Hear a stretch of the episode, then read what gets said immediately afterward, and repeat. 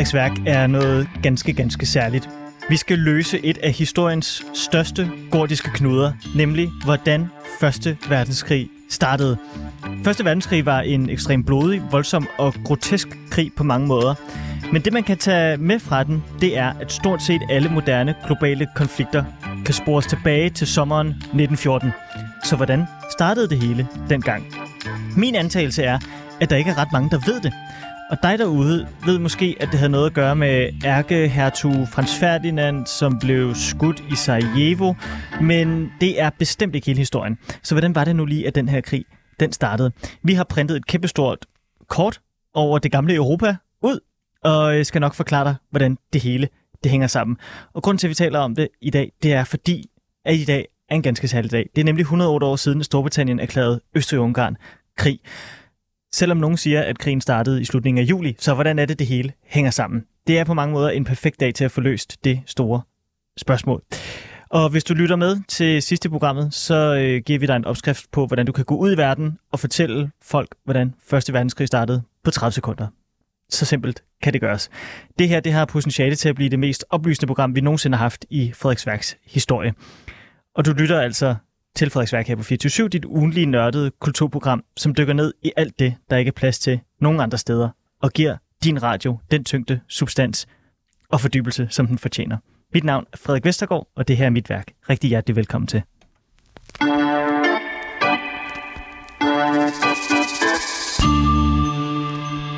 Bjarke Nielsen.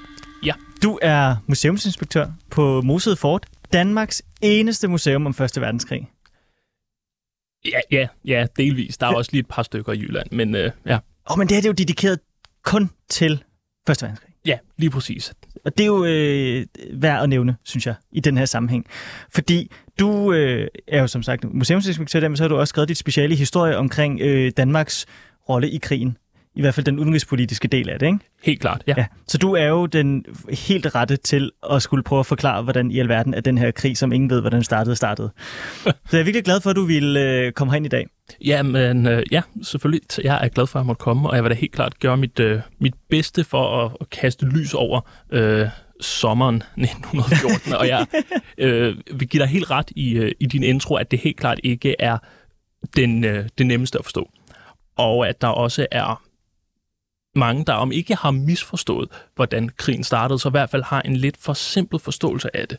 Okay, så en forsimplet og lidt misforstået opfattelse af, hvordan krigen startede. Det her er det lige fast i, fordi jeg har nemlig tænkt mig at skulle prøve at fortælle, hvordan krigen startede på 30 sekunder, inden øh, vi ligesom dykker ned i det. Så vi se, om jeg også har misforstået det. øh, når du viser rundt nede på Museet Fort, er der så mange, der spørger dig, hvordan i alverden startede Første Verdenskrig? Øhm, jeg, jeg vil jo sige både og. Jeg starter altså med at fortælle det, fordi Nå, okay, det er en meget, tager meget, opløbet. God, ja, præcis. det egentlig er en meget god, god dåseåbner. Også fordi, at, at øh, som du også selv siger, så er min oplevelse faktisk lidt det samme. Der er rigtig mange, der ikke hvordan var det egentlig, det startede? Jo, der var noget med den her øh, ærkehertug, ikke? Og, og i Sarajevo, ikke? Jo, det er rigtigt. Og så er det ligesom, det, det er ofte det, der er grundlaget. Øhm, så derfor så starter jeg også altid med, at forklare, hvordan det var, at krigen rent faktisk startede. Fordi man ligesom er nødt til at forstå udbruddet af den første verdenskrig, er nødt til at forstå sommeren 1914, for også at forstå, hvad det er, der senere hen sker øh, i Danmark, og hvordan Danmark også bliver påvirket af krigen. Fordi det er også sådan, til trods for det ikke det, vi skal snakke om nu, bliver jeg nødt til lige at komme med den disclaimer, at jamen, Danmark var jo neutral under den første verdenskrig, men til trods for det, så bliver Danmark stadigvæk øh, påvirket af krigen, og får stadig krigens konsekvenser at føle. Ja, lige præcis. Det håber jeg, vi har, har tid til øh, at, at komme lidt ind på i, øh, i løbet af den her Teams radio. Øh, hvorfor er det, det er så, øh, så svært for folk at forstå, hvordan at øh, Første Verdenskrig startede, uden at du sådan skal komme ind på, hvordan det startede, men hvorfor er det, det er en, det er en svær konflikt at forstå? Øhm, I modsætning til den anden verdenskrig, der ligesom starter med Tysklands frontale angreb på Polen, så er den første verdenskrig ikke lige så øh, lidt groft sagt, simpel med, at der bare er én part, der angriber en anden, og det er ligesom det. Der er den øh, første verdenskrig udbruddet. Det er langt mere kompliceret, og årsagerne og trådene trækker også langt længere tilbage. Man kan også sige, at hele udbruddet af den, første, eller af den anden verdenskrig kan også spores tilbage netop til den første verdenskrig. Ja, fordi Hitler var så bitter over, at Tyskland tabte. Ja, lige præcis. Ikke? I, altså, igen for simpelt. Ja. at øh, også hele øh, fredsaftalen, der afslutter den, er, den første verdenskrig, jo også er en af de første byggesten netop til øh, Hitlers magtovertagelse, mm. og også er en af en, en, en væsentlig årsag til det senere krigsudbrud. Ja, præcis. Så, øh, så du kan godt forstå, at folk ikke helt kan, kan, kan, kan hitte hoveder og, og hale i det? Ja, øh, i den grad. Jeg synes også selv, det er ret kompliceret og, ikke lige, og på ingen måde lige til at forstå. Hvorfor er det, du synes, det er vigtigt, at man skal kende årsagerne, eller kende, øh, hvad, der, hvad der skete i sommeren 1914? Øhm, nok vist... Øh, øh, ja, godt spørgsmål det er det her, jeg, jeg tror også, det, det meget handler om det her med, at vi må bare ikke drage de her, for, og det er sådan en generel ting, det er ikke kun lige noget, der handler om historie eller handler om Første Verdenskrig, men sådan helt generelt, vi må ikke drage forhastede konklusioner. Nej. Og tingene er nogle gange så giver det ud for at være, sådan, øh, at være noget simpelt, men det er det altså sjældent. Øh, tilværelsen er som oftest lidt mere kompliceret end som så. Og det er udbrud her også et øh, rigtig godt eksempel på. Og det er netop også derfor, det er så vigtigt at have en forståelse for, hvad var det rent faktisk, der skete. Ikke? Øhm, også det der med, at man kan ikke bare drage enkeltparter øh, til ansvar for, hvad det var, der skete, og at det ikke altid, jeg tænker, vi kommer ind på det om et øjeblik, er, øh, selvom det nogle gange er rart at komme med simple årsagsforklaringer, mm. så er de simple årsagsforklaringer sjældent rigtige så kommer du til at hade mit elevator pitch på, hvordan det startede. Men det kan du så varme, det, det, det kan du bruge det som opvarmning. Nu er du jo historiker. Ja. Og jeg har også øh, studeret historie, og jeg elsker at have historikere med i programmet, så jeg kan ikke lade være med at spørge altså historikere og historikere imellem. Hvor, altså, hvad er det ved den her periode og ved den her krig, som, som fascinerer dig rent fagligt? Øhm, ja, ja, jeg tror, det har et eller andet at gøre med det her vendepunkt. Øhm, at hvor epokegørende den her krig, den rent faktisk var for hele Europas udvikling. Mm. Øhm, hvor, hvor mange hvor, hvor stor indflydelse, hvor stor påvirkning krigen fik efterfølgende på, hvordan den radikalt ændrede kulturen og øh, det fysiske landskab jo også, og hvordan samfundet kom til at se radikalt anderledes ud, fordi krigen jo fik betydeligt større konsekvenser. Jeg tror, det er det, jeg synes, der er fascinerende at prøve at forstå, hvordan den her øh, konflikt havde en påvirkning både på, øh, på mennesket, på kunsten, øh, men, men også bare altså på øh, økonomien og på politik. Nu siger du, det, det er et vendepunkt. Ja. Er, det, er der ligesom sådan et øh, øh, Europa før og efter? Øh, ja, øh, det er der. Altså, Første verdenskrig blev, blev også kaldt for urkatastrofen. Ikke? Mm. Det er den øh, ur i den her forstand, som i at den, det refererer til den oprindelige, altså den oprindelige katastrofe. Lidt, øh, stadigvæk det er måske også lidt for simpelt sagt, men at den første verdenskrig er den oprindelige katastrofe i det 20. århundrede. Hvis det er øh, konsekvenserne af den, der leder til den anden verdenskrig, der leder til den kolde krig. For at forstå Europas komplicerede historie i det 20. århundrede, så er man nødt til at forstå netop den første verdenskrig. Ja, og også sådan noget som øh, konflikt i Mellemøsten. Ja. Der er masser af grænser, der bliver tegnet op efter Første Verdenskrig, som måske ikke skulle være tegnet op lige der. Ja, lige præcis. Ikke? Der også har ført til, at, at på den måde netop, at krigen har haft videre øh, store konsekvenser. For så slet ikke at tale om øh, for eksempel Balkan, som man måske også kan øh, drage tilbage til, til den her konflikt. Ja, øh, helt klart, at nogle af de øh, problematikker, de jo også allerede begynder at starte her. Jeg øh, har jo taget et øh, kæmpe kort med. Ja. Og øh, det her kort, det viser ligesom det gamle Europa i sommeren 1914. Og øh, det er det, der er udgangspunktet for, øh, for vores snak her i dag, Bjarke. Vi skal simpelthen igennem det her kort have fået kortlagt alliancer, interessekonflikter, problemer osv., så, så skal vi have gjort det forståeligt for, øh, for lytterne. Ja. Og det tror jeg sagtens, vi kan. Men øh, for den fuldstændig uindforståede lytter derude, så har jeg så forberedt et lille øh, elevator pitch på 30 sekunder, hvor jeg vil prøve at så nemt og simpelt sætte scenen for, hvordan jeg tror første verdenskrig startede. Ja. Og så må du være min eksaminator, og så må du give mig, og du skal ikke holde dig tilbage bagefter. Du må ja. gerne rive mit, øh, mit elevator pitch i stykker og sætte mig på plads. Okay. Jamen, Fordi jeg vil... der er ikke noget værre en falsk historie. jeg vil gøre mit bedste. Jeg har ikke taget noget stopur med, Men jeg har til gengæld taget et stykke musik, der kan stresse mig lidt, så jeg når det hele. Som er øh, meget passende, og det varer lige præcis 30 sekunder. Ja. Så når musikken er færdig, så er jeg forhåbentlig også færdig. Er du øh, klar på det, Bjarke? Ja, mm, øh, Godt. Nu øh, skal jeg lige op i gear, kan jeg mærke. Godt så. Der havde ikke været nogen store krige siden Napoleon i 1814, og det synes de store, stærke lande var mærkeligt. Europa var fyldt med store, magtfulde kongedømmer, men der havde også været en masse småkrige rundt omkring i Europa, hvor lande havde erklæret selvstændighed, og det kunne de store lande ikke lide. Så derfor så var der også en masse små områder, hvor grænserne var blevet flyttet mellem de store magter, og derfor så var der en masse befolkninger, som blev fanget alle mulige steder, de ikke havde hjemme. Og så var der mange af de her store lande, som havde kolonier, og det havde Tyskland ikke, så derfor så ville Tyskland gerne være store og stærke som de andre, og derfor så endte det med, at alle de store magter i Europa erklærede hinanden krig, uden at nogen vidste hvorfor, og alle ville bare gerne have mere land og teste deres kæmpe store herre ja, Jeg gik lidt over tid. Det beklager jeg. øh, ja, der var meget information på øh, meget kort tid. Okay, der havde ikke været nogen store krige i Europa siden Napoleon 1814. Ja, det er jo i og for sig et meget godt sted at starte, fordi at, øh, øh, det, er jo, det er jo i og for sig rigtigt. Der har jo ikke været en stor europæisk krig siden. Der har været småkrig, men det var ikke noget, der havde haft øh, øh, den store betydning for hele Europa. Der er jo øh, de slesvigske krige, der er, som er jo mellem Danmark og Preussen, øh, hvor at krigen i 1864 der var medført, at Danmark mistede Sønderjylland. Ja, for vi kan se på kortet her. Ja. Danmark forsvindende lille. Præcis. Øh, hvilket jo også er en ret væsentlig årsag for hele øh, Danmarks situation på det her tidspunkt. Øhm, så er der en anden mindre krig, som er ret væsentligt, som er den fransk-preussiske krig, som jo resulterer i, at Frankrig mister Alsace-Lorraine. Vil du tage, jeg har en kuglepind her, vil du lige prøve at tegne, hvor er vi henne i, øh, i, i Frankrig?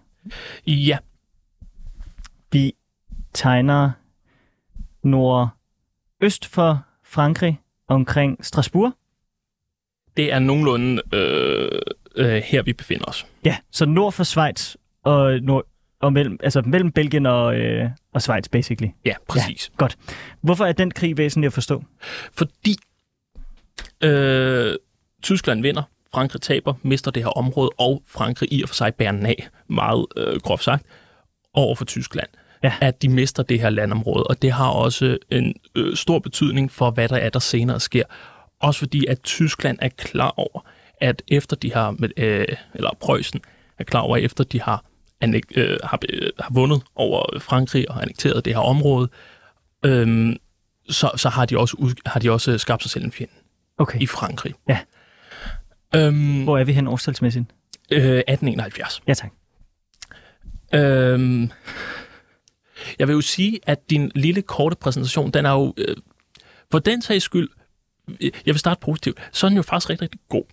Fordi du får nævnt en masse ting, som jo rent faktisk sker. Når det er så sagt, så har jeg også lyst til at sige, at det var jo også meget, meget, øh, øh, meget, meget forsimplet, hvad det rent faktisk var, der lige pludselig skete, og hvad, hvad måske vigtigst af alt årsagen til nogle af de her landegrænser og mennesker, der lige pludselig boede i nogle områder, som de rent faktisk ikke følte, øh, at de, de hørte til. Og det er derfor, vi har god tid nu. Så derfor, så nede ved Alsace-Lorraine, Ja. 1871, der er lige pludselig en masse franskmænd, som bor i Tyskland. Men jeg vil faktisk, hvis det skal... Øh, ja. Men jeg vil faktisk gerne endnu længere tilbage, og jeg vil faktisk gerne endnu Nå. længere ned. Okay. Øhm, fordi der, hvor det hele jo starter med krigen, det er i Balkan. Mhm. Og Balkan spiller også en sp- sp- spiller den vigtigste rolle i forhold til hele udbruddet, men også i forhold til optakten, hvad det er, der sker der. Fordi Balkanområdet er i 1800-tallet en del af det, der er det, øh, der hedder det osmanske imperie, som senere så bliver til Tyrkiet. Og øh, det osmanske imperie har faktisk besiddelser i starten af 1800-tallet. Det meste, der Mm. kontrollerer, de, kontrollerer de det meste af Balkanområdet. Ja. Der er en række oprør, der er en række konflikter i Balkanområdet, øh, simpelthen øh, de her nationale mindretal, der gør oprør, de vil simpelthen have deres egen selvstændige nationalstat, og øh, nogle af de første, der kommer, mener jeg blandt andet er Grækenland. Mm. Øh, og i løbet af 1800-tallet, så bliver det osmanske imperie presset længere og længere ud af, øh, hvad hedder det, af Balkanområdet. Især også presset på af Rusland. Ja. Rusland, de ser lidt sig selv som de, de, de slaviske folks beskytter, og har også en interesse i at få presset øh, osmanerne så langt ud af Balkanområdet som overhovedet muligt. Også fordi, hvis vi kigger hernede, stræderne, der forbinder Sortehavet med Middelhavet, er kontrolleret af det osmanske imperie. Ja. Det har Rusland en meget stor interesse i, at det netop ikke kommer til at ske. Okay. Fordi at lige pludselig, hvis det ikke er kontrolleret af det osmanske imperie, jamen så vil Rusland have direkte adgang til Middelhavet. Må jeg lige låne min kuglepind igen? Ja. Fordi det tror jeg lige, jeg vil notere mig her i forhold til, at vi skal have lavet den her opskrift på, øh, hvor vi skal have alle ingredienserne med på. Så, så jeg noterer mig her, øh, Balkan og, øh, øh, og det osmanniske rige og konflikt, eller interessekonflikt med Rusland. Ja. Omkring Beringstrædet. Ja, det er korrekt. Jo, ja, øh, årstalsmæssigt er vi i slutningen af 1800-tallet. Det er 1870'erne, at det begynder at ske, at, at også det osmanske imperie virkelig får nogle, øh, får nogle ryk ud. Ja, godt. Og så begynder nogle af de her nationalstater at, øh, at opstå i Balkanområdet. Ja. Nogle af de nationalstater ser vi på det kort, jeg har printet ud til det der. Hvilke nationalstater er det? Øhm, no, altså noget af det vigtigste, vi ser, det er, øh, det er Serbien, det er, øh, øh, den, det er faktisk det, der primært er den vigtigste, det er Serbien. Men så er der også området, Bosnien, Bosnien, her, Bosnien Herzegovina, har jeg Ja. udtalt det, som på det her tidspunkt i slutningen af 1800-tallet, der bliver det, bes, øh, der bliver det, øh, der bliver det besat af det østrig-ungarske imperie Okay. de tager simpelthen kontrollen over det her område. Øh, så, øh, hvad hedder det? Ja, og har kontrollen over området dernede omkring. I Europa generelt på det her tidspunkt, så begynder hele det her, og det begynder, og det er også noget, der senere har en meget, meget stor og meget væsentlig betydning, nemlig den her nationalfølelse, men også en radikal nationalisme, der begynder at brede sig. Det er især noget, der er nede i, Balkan, om, i Balkanområdet, men det er altså også noget, der er i resten af Europa. Jeg noterer mig stærk nationalisme. Ja. Særligt på Balkan. øhm, Ja. Ja. og så var sådan, hvad der var det... Øh, ja. Så i Serb, øh, og i Serbien, så er der en interesse for... Øh, okay, nu, nu tænker jeg lige, at vi tager Balkan, og så går vi lidt mm. ud i Europa ja, ja, det er efterfølgende. godt. Det er godt.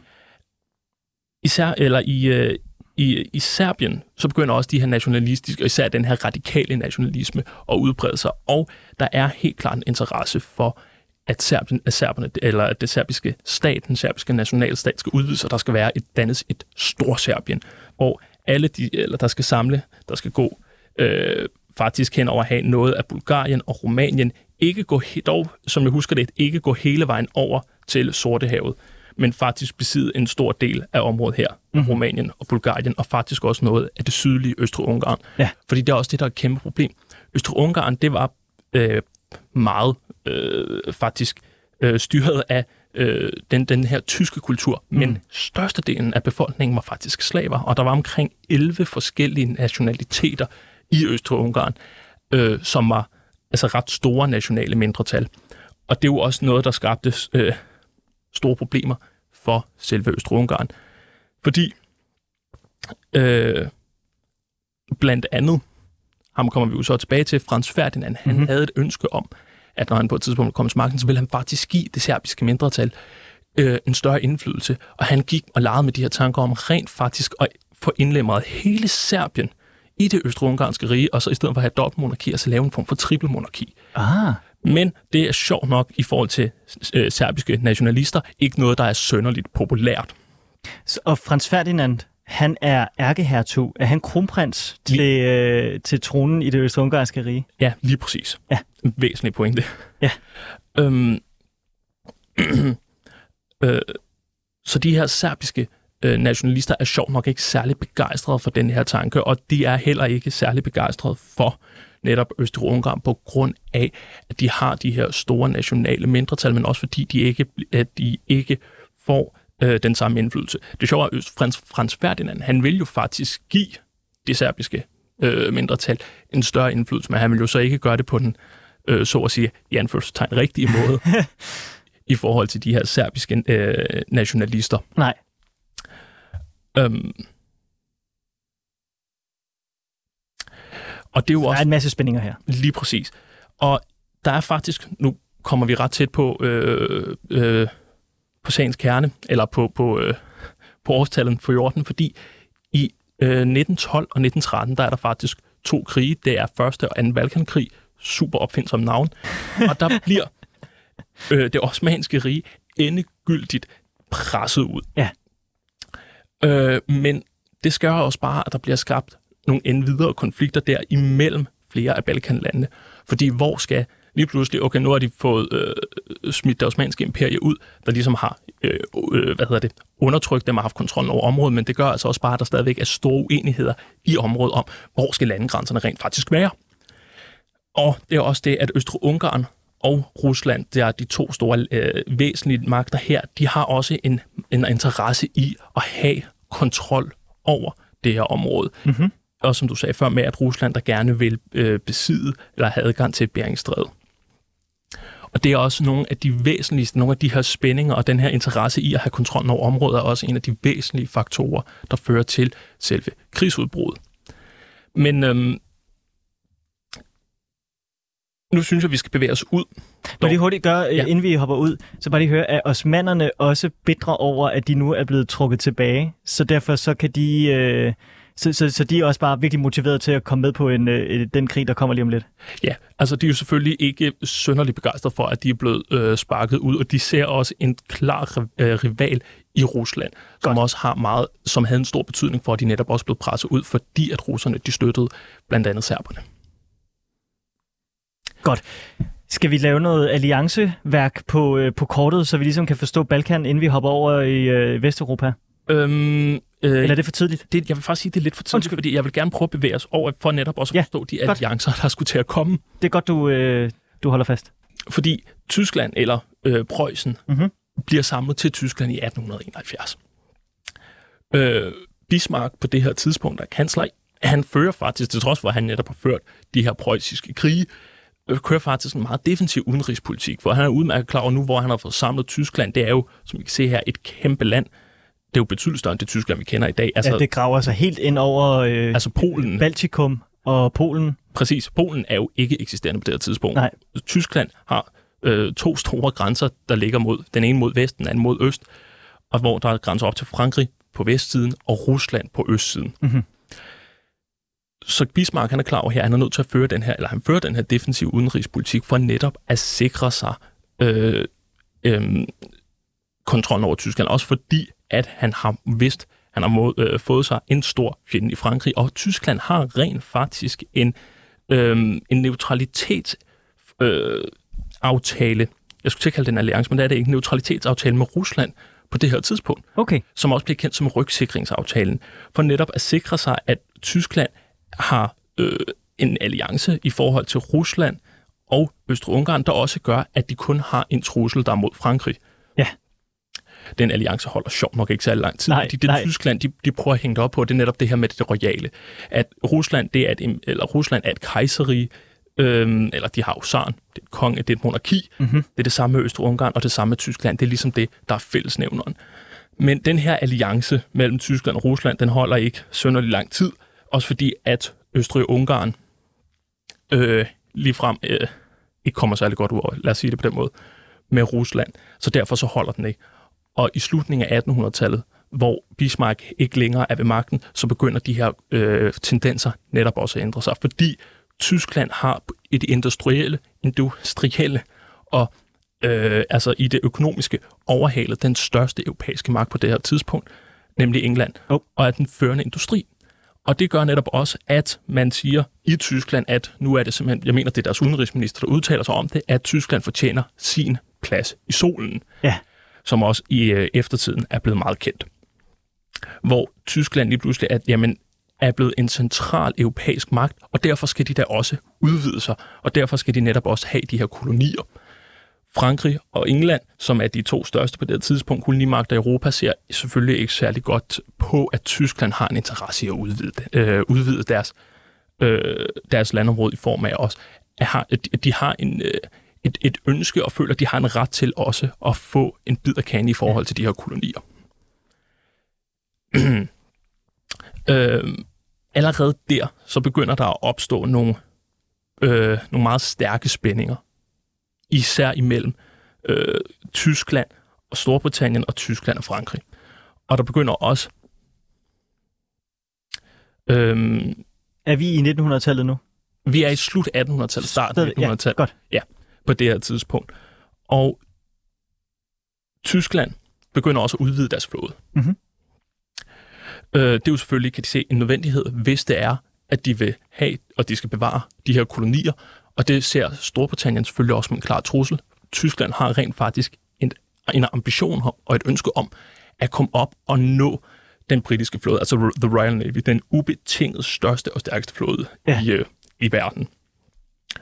England de prøver også at følge med, men de skal bygge betydeligt flere skibe for at kunne måle sig med den tyske flåde, også fordi den britiske flåde, til trods for den jo er meget, meget stor, så den jo også spredt ud over det meste af verden, ja. for netop at kunne bevare kontrollen over alle deres kolonier. det sætter ligesom allerede her nogle, nogle klare øh, problematikker og nogle spændinger i gang. Og så er det også, i forhold til selve krigsudbruddet, hvis det er, at vi lige tager et, altså et spring frem der, det er også, at det var netop de her traktatlige forpligtelser, de europæiske lande imellem, der havde meget at sige i forhold til, at hvad der kunne have været en lokal konflikt, udviklede sig til en øh, stor europæisk krig. Og England, nej, hvad hedder det, øh, Frankrig og Rusland, de indgår på et tidspunkt netop øh, den her øh, alliance, efter det ikke er fungeret sønderligt godt, øh, øh, efter at, øh, at Tyskland ikke længere har den her rygsikringsaftale med russerne. Så Frankrig og Rusland, de har indgået den her øh, øh, alliance, som i og for sig bare er i, øh, til at øh, begynde med er en, øh, hvad hedder det, øh, er en øh, neutralitetsaftale, men, men også forpligter sig til en, øh, en, en, en i og for sig øh, en alliance. Mm-hmm. Tyskland tror ikke sønderligt. De har i hvert fald deres tvivl omkring, øh, hvor solid den her alliance i og for sig er, fordi Rusland på den ene side er et imperie, og Frankrig er en republik. Det fungerer ikke rigtigt. Nej. Øh, så, så Tyskland tager det her, den her alliance, tager egentlig ikke den her alliance særlig højtidligt. Tyskland har en videre, der også bliver kendt som den alliance med Tyskland og Øst-Ungarn, der også bliver kendt som centralmagterne, får også Italien ind. Øh, og centralmagterne bliver også kendt som Triple-alliancen. De skal altid lige med italienerne i starten ja. på det forkerte hold. og det er også, altså fordi Italien er faktisk ret interessant i forhold til hele det her spørgsmål, hvad, hvad kunne der ellers være sket, ikke? Øhm, øh, fordi deres, i forhold til deres rolle senere hen. Men, øh, men det kan vi måske tage der. Må jeg lige bede om et øh, klart overblik over alliancer på det her tidspunkt? Ja. Bare lige et oprids. Der er centralmagterne, hvor der er Tyskland, Østrig-Ungarn og Italien. Yes. Og så er der Antanten, som er Frankrig og Rusland, men i og for sig også Storbritannien. Yes. Tyskland tror heller ikke særlig meget på Storbritannien, fordi Storbritannien og Frankrig, de har været altså ærkerivaler, ærkefjender i 1700-tallet. Så altså, hvor valid er den alliance rent faktisk, og hvor meget tror de rent faktisk på den? Mm-hmm. Øhm, men så hele det her med, at Tyskland de har en interesse i at få udvidet deres landområde, de mener det med, at de også nu fortjener en plads i solen. Det har netop skabt de her spændinger imellem de to andre store magter, Frankrig og øh, Frankrig og Storbritannien. Og det er også noget af det, der lægger kimen til det, der bliver kendt som julikrisen, som er det, der starter efter attentatet på den østrig-ungarske ærkehertug Frans Ferdinand. Det er jo i øvrigt også en vildt fascinerende historie. Ja. Turen til Sarajevo. Ja. han, øh, den 28. juni 1914, der øh, bliver han jo udsat, Frans Ferdinand, for det her attentat. Han øh, øh, er nede i øh, Sarajevo, som ligger i øh, Bosnien-Herzegovina, og er jo i et område, der er domineret af øh, serber, mennesker, eller, og de her, der er jo ret mange serbiske nationalister, og de ser jo det som en klar provokation, at han er hernede. Øhm, og han har i det hele taget, hvilket er sådan lidt utroligt, fået at vide, at han ikke burde tage derned. Mm. Øh, han er blevet advaret af diplomater eller af politikere af det øst-ungarske øh, militær, at det er forbundet med en stor risiko at tage herned. Altså han sætter sit eget liv og, og sin kones liv på spil. Alligevel er han taget derned. Og øh, de kommer kørende i den her store, flotte øh, bil, og så bliver de udsat for et angreb. Der er en mand, en ung mand, der kaster en granat efter bilen. Den øh, rammer ved siden af, eller rammer øh, noget af bilen, men i hvert fald så rammer han ikke Frans Ferdinand. Derimod så er det bilen bagved, der øh, kommer til skade, eller den granaten rører ind under bilen og eksploderer, og der er øh, vist to officerer, der kommer slemt til skade, og en række civile. Jeg kan ikke huske, om der er nogen, der omkommer, men der er i hvert fald flere, der kommer til skade. Han fortsætter og kører til officielt besøg øh, øh, øh, øh, hvad hedder det, hos borgmesteren, mener jeg faktisk, der blev faktisk lige lidt i tvivl. Personligt synes jeg også bare, det er lidt vildt, at han ikke afbryder Ja, han øh, fortsætter. Det her officielle, officielle besøg. Bare sådan, der er nogen, der prøver at slå dig ihjel, men du, du, ja. ja, der er nogen, der prøver at slå dig ihjel, men du vælger alligevel bare at køre. Og efterfølgende, efter det her besøg, okay, det er måske lidt, uh, lidt dårlig stemning, så vælger han endnu ikke at afbryde det. Men så kører han så, beslutter han sig for, at de skulle vist have været på et, øh, de skulle så have været videre hen til et andet besøg, men tager i stedet for hen, beslutter Frans Ferdinand, at han vil tage øh, på hospitalet og besøge de her mennesker, øh, nogle af de her officerer blandt andet, der er kommet til skade ved attentatet tidligere på dagen. Men, og det sjove er her, der har jeg har faktisk i flere forskellige steder, flere forskellige bøger, hørt forskellige variationer af den her historie. Nå, okay. Øhm, hvor at, altså, som om der ikke er total enighed omkring, hvad det rent faktisk, altså rækkefølgen, hvad det var, øh, præcis der skete. Men noget af det, jeg har hørt her, det er så, at chaufføren ikke bliver informeret om, at planen er ændret. Øh, så han fortsætter ned af den planlagte rute, som så er forkert. Han får at vide, at han skal mm. køre tilbage, så han stopper bilen, men han går ligesom i stå, i det, han får bremset for hårdt ned. Og i det øjeblik, at han holder chaufføren der og skal prøve at vende bilen, så ude ved siden, der sidder en ung mand, en 19 år gammel gymnasieelev, Gavilio Princip, som er medlem af denne her organisation, der tidligere på samme dag forsøgte at slå Frans Ferdinand ihjel. Og Gavilio Princip, han affyrer to skud og dræber Frans, eller skyder Frans Ferdinand og Sofie, hans kone, Sofie Corté. Og øh, de dør ikke på stedet. De bliver ført til hospitalet, men dør relativt kort tid efter. Den unge øh, her princip her, ja. hans organisation hedder jo noget så øh, Anders Sand som Den Sorte Hånd. øh, ja, ja. Øhm, jeg, jeg, jeg, jeg elsker den sammenligning. Det minder bare om Sorte Slyngel. Ja, ja okay. Fair nok. Øh, det, det er rigtigt, det er ikke det bedste navn. De bliver også altså, i samtiden voldsomt kritiseret for, at det er totalt amatøragtigt udført, det her. Ikke? Ja. Øhm, at, altså, hvor efter, altså efterfølgende bare sådan, og der er mange, der, der, der spryder an, anklager omkring, hvem er det, der står bag, ikke? og at øh, det er den serbiske regering, der har en finger med i spillet, ikke? men bare sådan, det, det er virkelig, altså, men samtidig bliver også kritiseret for, at det, sådan, det er meget amatøragtigt udført, det her attentat der er ikke en person på, i, i verdenshistorien, eller i Europa på det tidspunkt, der er så vigtigt, at mordet på vedkommende fører til et, øh, kan føre til en stor europæisk krig. Faktisk er der sket ret mange attentater på højtstående øh, embedsfolk, og så kan også øh, adelige. Øh, I slutningen af 1800-tallet blev Estrup også udsat for et attentat mm. hjemme. Så det er faktisk en... Ja, jeg skulle sige, det var lidt... Det, det hørte til jobbet. Ja, det var en, øh, en tendens, det var et fænomen, der var på det her tidspunkt. Det var åbenbart lidt moderne. Øh, lidt groft sagt, ikke? Men rent faktisk, så var der ude i Europa lidt den opfattelse, at det her, hvis Østrig-Ungarn havde handlet hurtigt her, og havde angrebet serberne, så havde de faktisk haft ret med opbakning, fordi okay, jeres tronarvinger på slået ihjel, der skal handles på det, det er helt legitimt.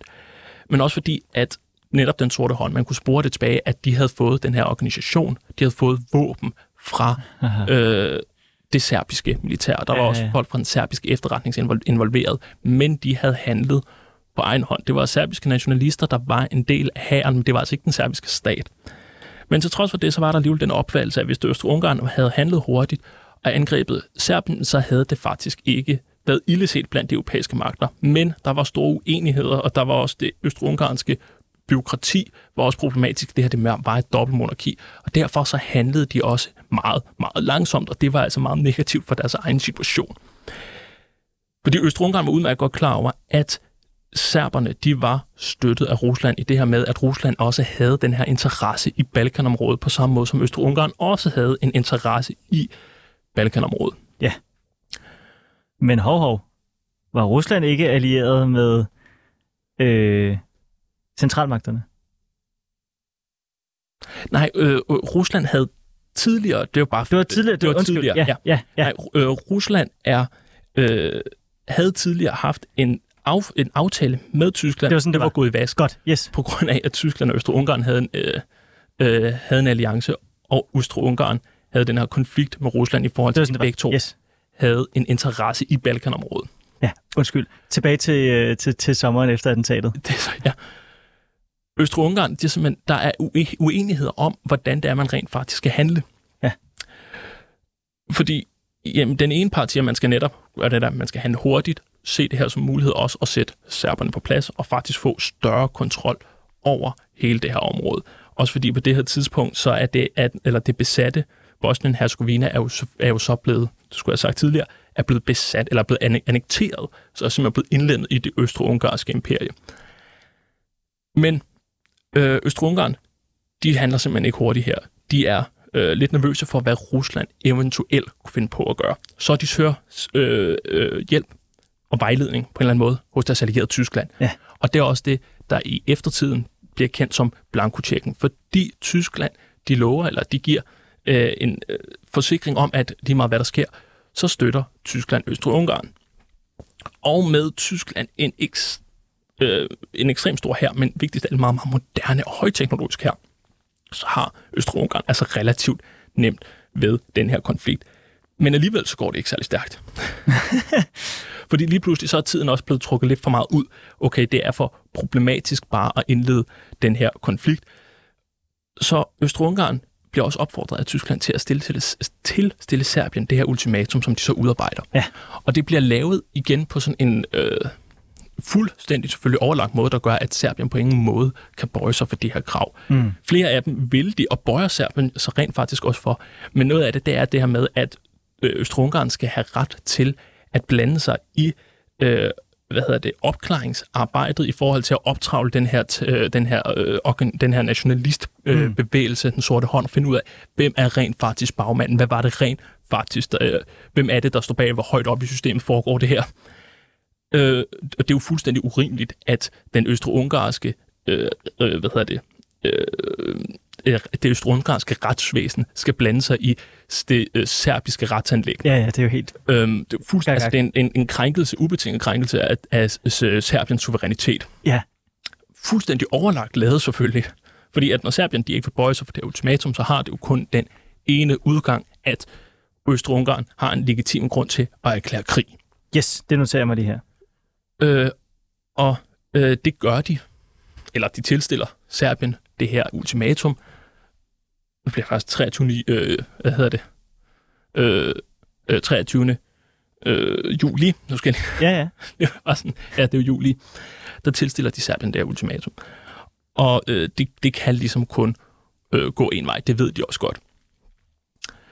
Øh, og det ender jo så også med, at en måned efter skuddet i Sarajevo den 28. juli, der erklærer Østrig-Ungarn krig mod Serbien, fordi serberne, de ikke, øh, hvad hedder det, fordi serberne ikke, eller Serbien ikke bøjede sig for det her jo i forvejen groteske ultimatum. Ja. Det er også her, hvor at det bliver voldsomt kritiseret, fordi Østrig-Ungarn er udmærket klar over, at når de går i krig med Serbien, så er der en væsentlig, væsentlig sandsynlighed for, at Rusland bliver inddraget i den her konflikt. Og Østrig-Ungarn er jo også godt klar over, at når de, de trækker på Tysklands støtte, jamen så vil Rusland også blive interesseret i at gå ind, fordi at Østrig-Ungarn meget nemt vil kunne overtage det med Tysklands, øh, hvad hedder det, med Tysklands opbakning. Altså de tre magter, Rusland, Tyskland og Østrig-Ungarn har på det her tidspunkt alle tre en ret væsentlig rolle, eller en ret væsentlig betydning for hele krigsudbruddet, for de burde, alle tre lande burde være klar over, er nok var også klar over, at jamen, den her intervering, den her øh, øh, krig, der er ved at udvikle sig, det vil netop, eller den her konflikt, Mm-hmm. netop vil kunne udvikle sig til en krig, hvor alle tre magter kommer med, på grund af de her forpligtelser, der er over for landene imellem. Og det er jo også det, der sker. Ja. Fordi der Østrig-Ungarn, for, så, fordi Østrig-Ungarn erklærer krig mod, øh, mod Serbien, og Rusland begynder at mobilisere deres tropper. En egentlig mobilisering er jo ikke det samme som en krigserklæring. Nej. Der er meget væsentligt, at der er en adskillelse der, men Rusland, de ser det på en anden måde. Tyskland, undskyld, de ser det på en anden måde. Fordi de ser netop det her med, at jamen, en mobilisering, det er en klargørelse til krig, ergo så er det også en krigserklæring. Tysk, det tyske militær, det var også det, at i forhold til de diplomatiske, jamen, så havde generalstaben, militæret havde større indsigelse, eller øh, øh, mere skulle sagt på det her tidspunkt, end de havde haft tidligere. Også fordi hele det her element af tid lige pludselig var langt mere afgørende, end det har været tidligere. Ja. På grund af netop teknologien, altså jernbanerne, mobilisering af en hær og klargøring af krig var betydeligt hurtigere, øh, end det har været nogensinde før. Øhm, ja. Skal vi lige lave en, øh, en, øh, en kort del op, op, op, opsummering? Ja, okay. Så øh, Tyskland og Østrig-Ungarn har indgået den her alliance. Tyskland, de støtter Østrig-Ungarn lige meget, hvad der, er, der sker. Og med det, i, øh, og med det S i ærmet, jamen, så har Østrig-Ungarn nemt ved at erklære Serbien krig, hvilket de gør. Rusland har lovet at støtte Serbien, så de begynder at mobilisere deres tropper og klargør et modangreb øh, mod Østrig-Ungarn for at støtte Serbien. Smukt, Bjarke. På det her tidspunkt, så ved Tyskland godt, hvad der, der kommer til at ske. De stoler simpelthen i og for sig ikke på også Frankrig, fordi netop der er den her, øh, på grund af Ententen, mm-hmm. den her alliance mellem Frankrig og Rusland. Og det er også derfor, at Tyskland er meget opmærksom på Ruslands mobilisering. Fordi Tyskland de har en gammel angrebsplan, der hedder Schlieffen-planen, der netop handler om, at hvis Tyskland handler og kommer ud i en stor europæisk krig, jamen så er det, at de skal angribe de to fronter, eller de to store magter, netop Frankrig og Rusland. Og, og hele... krig. og netop det væsentligste ved Schlieffen-planen her, det er det lynangreb. Og der er det netop, at tid er, den, er det væsentligste element her. Fordi netop grundet Ruslands øh, øh, størrelse, så vil det tage dem længere tid at mobilisere. Men på grund af, at de alligevel er blevet så øh, moderniseret, så ved Tyskland også godt, at de har ikke lang tid til det. Fordi Tyskland har ikke militære ressourcer til at udkæmpe en tofrontskrig. Og det er det, der er hele formålet med Slifenplan, det er, at man laver en lynkrig og udmanøvrerer en fjende ad gangen. Og i det her tilfælde, så er det faktisk meningen, at Tyskland de vil udnytte den væsentlige tid, det vil tage Rusland mm. at mobilisere. Så, stort, stort land. Præcis. Ja. Så da Rusland begynder at mobilisere, så gør Rus eller Tyskland klar til at angribe Frankrig. Men Schlieffen-planen, det er på sin vis lidt et bagholdsangreb. Det er, at de vil ikke bare angribe direkte på ved den fransk-tyske grænse. Nej, der er jo... Øh, Maginot-linjen. Øh, der er jo selvfølgelig øh, de her øh, franske netop forsvarsværker, men de vil gå øh, bagom. De vil gå igennem Belgien og Holland for at kunne angribe Frankrig. Det var den oprindelige plan i hvert fald, men de lavede om, der for risikabelt at angribe både Belgien og Holland, så de vil kun gå igennem Belgien. Problemet er bare, at Belgien og Holland de er neutrale og allerede erklæret sig selv som neutrale stater, før krigen den startede. Tyskland har faktisk også prøvet at henvende sig til Storbritannien om, men de er ikke netop fordi, jamen de ligger jo ikke på det centrale europæiske kontinent. Tyskland har ingen interesse i Storbritannien. De vil bare udmanøvrere, eller udmanøvrere Frankrig. Ja. Men da øh, Tyskland går ind i det neutrale Belgien, så krydser de også, altså går de også over den her streg. Øh, Belgien har faktisk, eller øh, hvad hedder det, Storbritannien har skrevet under på, allerede i begyndelsen af 1800-tallet, da Belgien også erklærede sig som en neutral stat, at de vil våge over i og for sig Belgiens neutralitet. Men også, øh, så, øh, øh hvad hedder det, giver øh, Storbritannien øh, tyskerne den mulighed at trække sig tilbage. Kort efter de invaderede Belgien, det gør de selvfølgelig ikke. Så da Tyskland går ind i Belgien for at angribe Frankrig, så kommer Storbritannien også med ind i krigen, fordi det er det her med angrebet på det neutrale Belgien. Men så er vi ved, ved jubilæet? Det er simpelthen. øh, eller øh, faktisk ikke helt, fordi Nej. der er nogle dato her, der er lidt spøjse. Øh, fordi det er den og nu står jeg faktisk blevet helt, jeg kan faktisk ikke huske, om det er den 4. eller om det er den 5. august, at England erklærer krig mod, øh, mod Tyskland. Jeg googler lige. Øh, det var sjovt. Den, den, jeg blev lige i tvivl. Det er en af de to dage. Øhm, 4. august. 4. august. Ej, nå. Jeg mente, det var den 5. Nå, det var tæt på, ikke?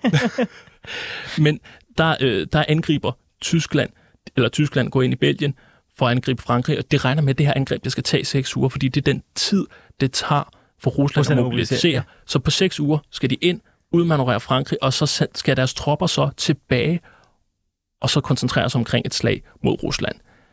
Men må jeg lige hurtigt spørge, fordi jeg forstår ikke helt, hvorfor var det, at, at Tyskland lige pludselig gerne ville ind i Frankrig, for så at forlade det igen lige bagefter?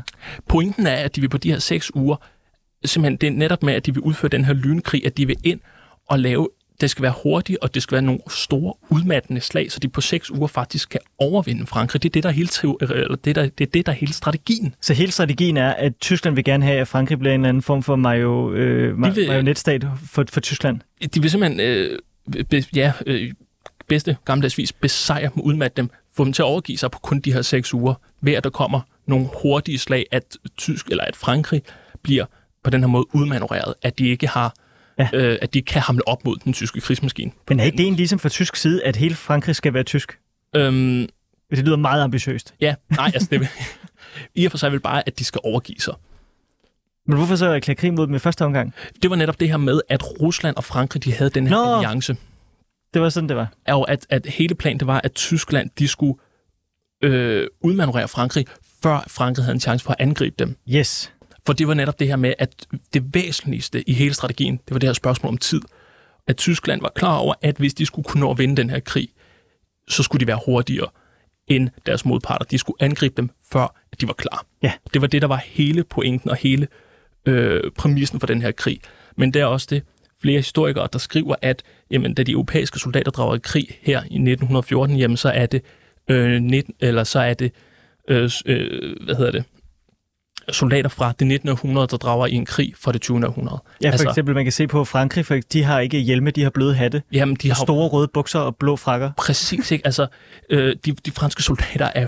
Øh, de, er jo, de er jo flotte, de er jo elegante, men de er jo ikke udrustet til at kæmpe en moderne krig. Nej. Og det er også det, det, sam, eller det, øh, den, det væsentlige problem, der var på det her tidspunkt. Så, øh, soldaterne, altså landene, var ikke forberedt på, hvad det rent faktisk var for en type krig den våbenteknologi, der var, var jo langt mere omfattende, og man var åbenbart ikke forberedt på, hvad det var, der var sket. Bjarke, øh, tiden er imod os. Ja, men vi er faktisk også på den måde allerede der ved at være i mål. Okay. Fordi jeg mangler bare lige at få, øh, fordi Storbritannien, de er jo så i Frankrig i mange år, og øh, indtil i, i fire år faktisk. Hmm. Hvornår begynder øh, osmanderne at, øh, at gå i krig med øh, henholdsvis øh, Rusland det er faktisk... og England? Det er først i, i sådan noget 16-17. Øh, øh, osmanderne går allerede ind i november, øh, okay. november 14. Og det er også det her med, at de også er øh, ser det som mulighed for, og igen, de har en interesse i, øh, i Balkan, men også faktisk for at kunne øh, få hævn over Rusland, der pressede dem ud af Balkanområdet øh, tidligere. Men det er også det, jeg gerne vil altså tilbage til, fordi det er et af de væsentligste problemer også det, der førte til den her krig, det var de her traktatlige forpligtelser landene imellem. At landene havde indgået de her øh, aftaler i tilfælde af krig, jamen så er vi allieret. Men også det, at det er et væsentligt problem, og det er også det, der fører til, at da korthuset ligesom falder sammen, så bliver landene ja. trukket sammen øh, og bliver nødt til ligesom i fællesskab at drage i krig på den måde. Men også, at det, der starter, det er den her urolighed i ja. Balkan. Der var ikke mange, der var overrasket over, at der kom en krig i, i, ude i Europa. Europæiske statsledere. Men mange har troet, det ville være en tredje Balkankrig, mm. og ikke en europæisk storkrig, der udviklede sig til en verdenskrig.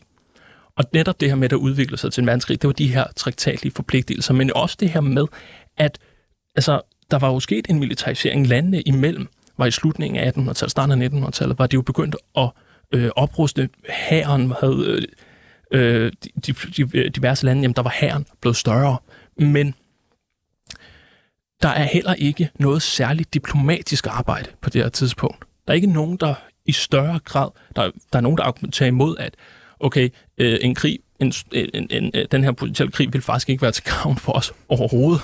Øhm, der har været en stor vækst i slutningen af 1800-tallet, og der var også mange, der netop sagde, der netop argumenterede for, jamen, øh, krig vil jo ikke øh, gavne nogen af os økonomisk. Nej. Øh, landet vil jo ikke blive rigere på det. Den generelle velstand vil jo ikke stige på grund af en krig. Så altså, det diplomatiske arbejde, det er der ikke på det her. Altså, der er ikke nogen, der går ind og prøver at argumentere og arbejde imod den her øh, krigsudvikling. Bjarke, vi skal til at have opsummeret det hele her ja. på, øh, på falderæbet. Men jeg vil bare lige øh, hurtigt sige, og så må du øh, bære over med min øh, overfladiskhed. Men at man kan sige, at grunden til, at det også udvikler sig til en, en verdenskrig, det er så også på grund af alle de her kolonier, der er rundt omkring. Så når for eksempel, at Japan tænker, når nu hader alle i Europa Tyskland, så kan vi tage nogle af de tyske kolonier i Stillehavet, og der er øh, øh, alle mulige koloni herrer, som bliver fragtet rundt omkring i verden og kæmper i Europa, og, og osmanderne kæmper mod britterne nede i Ægypten, og, og så videre, så videre, så videre. Ja.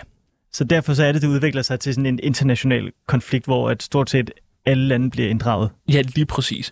Øh, det er jo det, der med, at lige pludselig bliver en øh, global krig, eller en glo- global konflikt. Ja. Men vi skal have opsummeret, Bjarke, for nu lavede jeg jo mit øh, totalt fejlslagende Ja. 30 sekunders opsummering. Øhm, har du lyst til at prøve, ikke på 30 sekunder, men at lave sådan en, en hurtig opskrift på, øh, når folk sidder derhjemme og siger, hvordan startede Første Verdenskrig? Ja. Øh, det vil jeg gerne. Jeg vil... Jeg kan godt se tiden imod os.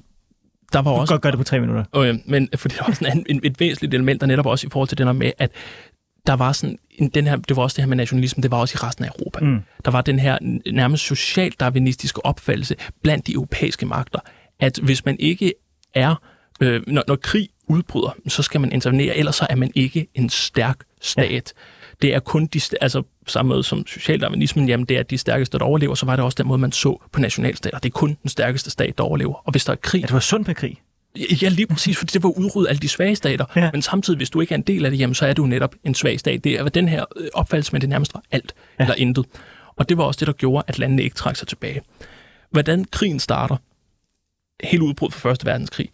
Balkan, der er fra osmanerne bliver presset ud, så er der uenigheder, der er stridigheder omkring landegrænser, og der er to store magter, Østrig-Ungarn og Rusland, der er interesseret i, eller der har interesser i det her område. Så opstår der alliancer ude, ude i Europa, de europæiske stormagter imellem, for at sikre sig selv imod deres fjender.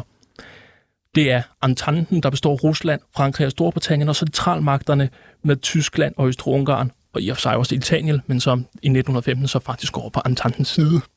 Men øh, det må være en anden gang til de store alliancer. Da, krigen, da Frans Ferdinand han så bliver skudt, så får Østrig-Ungarn rygsikring. De får støtte af Tyskland med blankotjekken. Der bliver tilstillet et ultimatum til Serbien, som øh, serberne ikke kan bøje sig for, fordi det er en krænkelse af den serbiske, øh, øh, hvad hedder det, serbiske nationalstat, den serbiske suverænitet. Og her, der ved burde, eller der ved Østrig-Ungarn og Tyskland og Rusland, eller Østrig-Ungarn, de ved, at hvis de går i krig med Serbien, så vil Rusland blande sig, og Tyskland, de ved godt, når de vil støtte dem, så vil Rusland i særdeleshed blande sig. Og det vil også betyde, at de er nødt til at tage affære i forhold til Frankrig. Og- så er det der, det hele bare udvikler sig med øh, Schlieffen-planen, den krænk, øh, krænkelsen af det neutrale Belgien, hvor Storbritannien også bliver trukket med ind, og hvor det her med netop, at de nationale stater ikke ved, vil, øh, vil, vil øh, hele den her opfattelse med, at man er, altså at det er øh, krig faktisk vil være sund, men også ja. det her med, at man ikke kan, øh, at det vil være øh, øh, sundt for, altså, ja, undskyld, sundt for staten.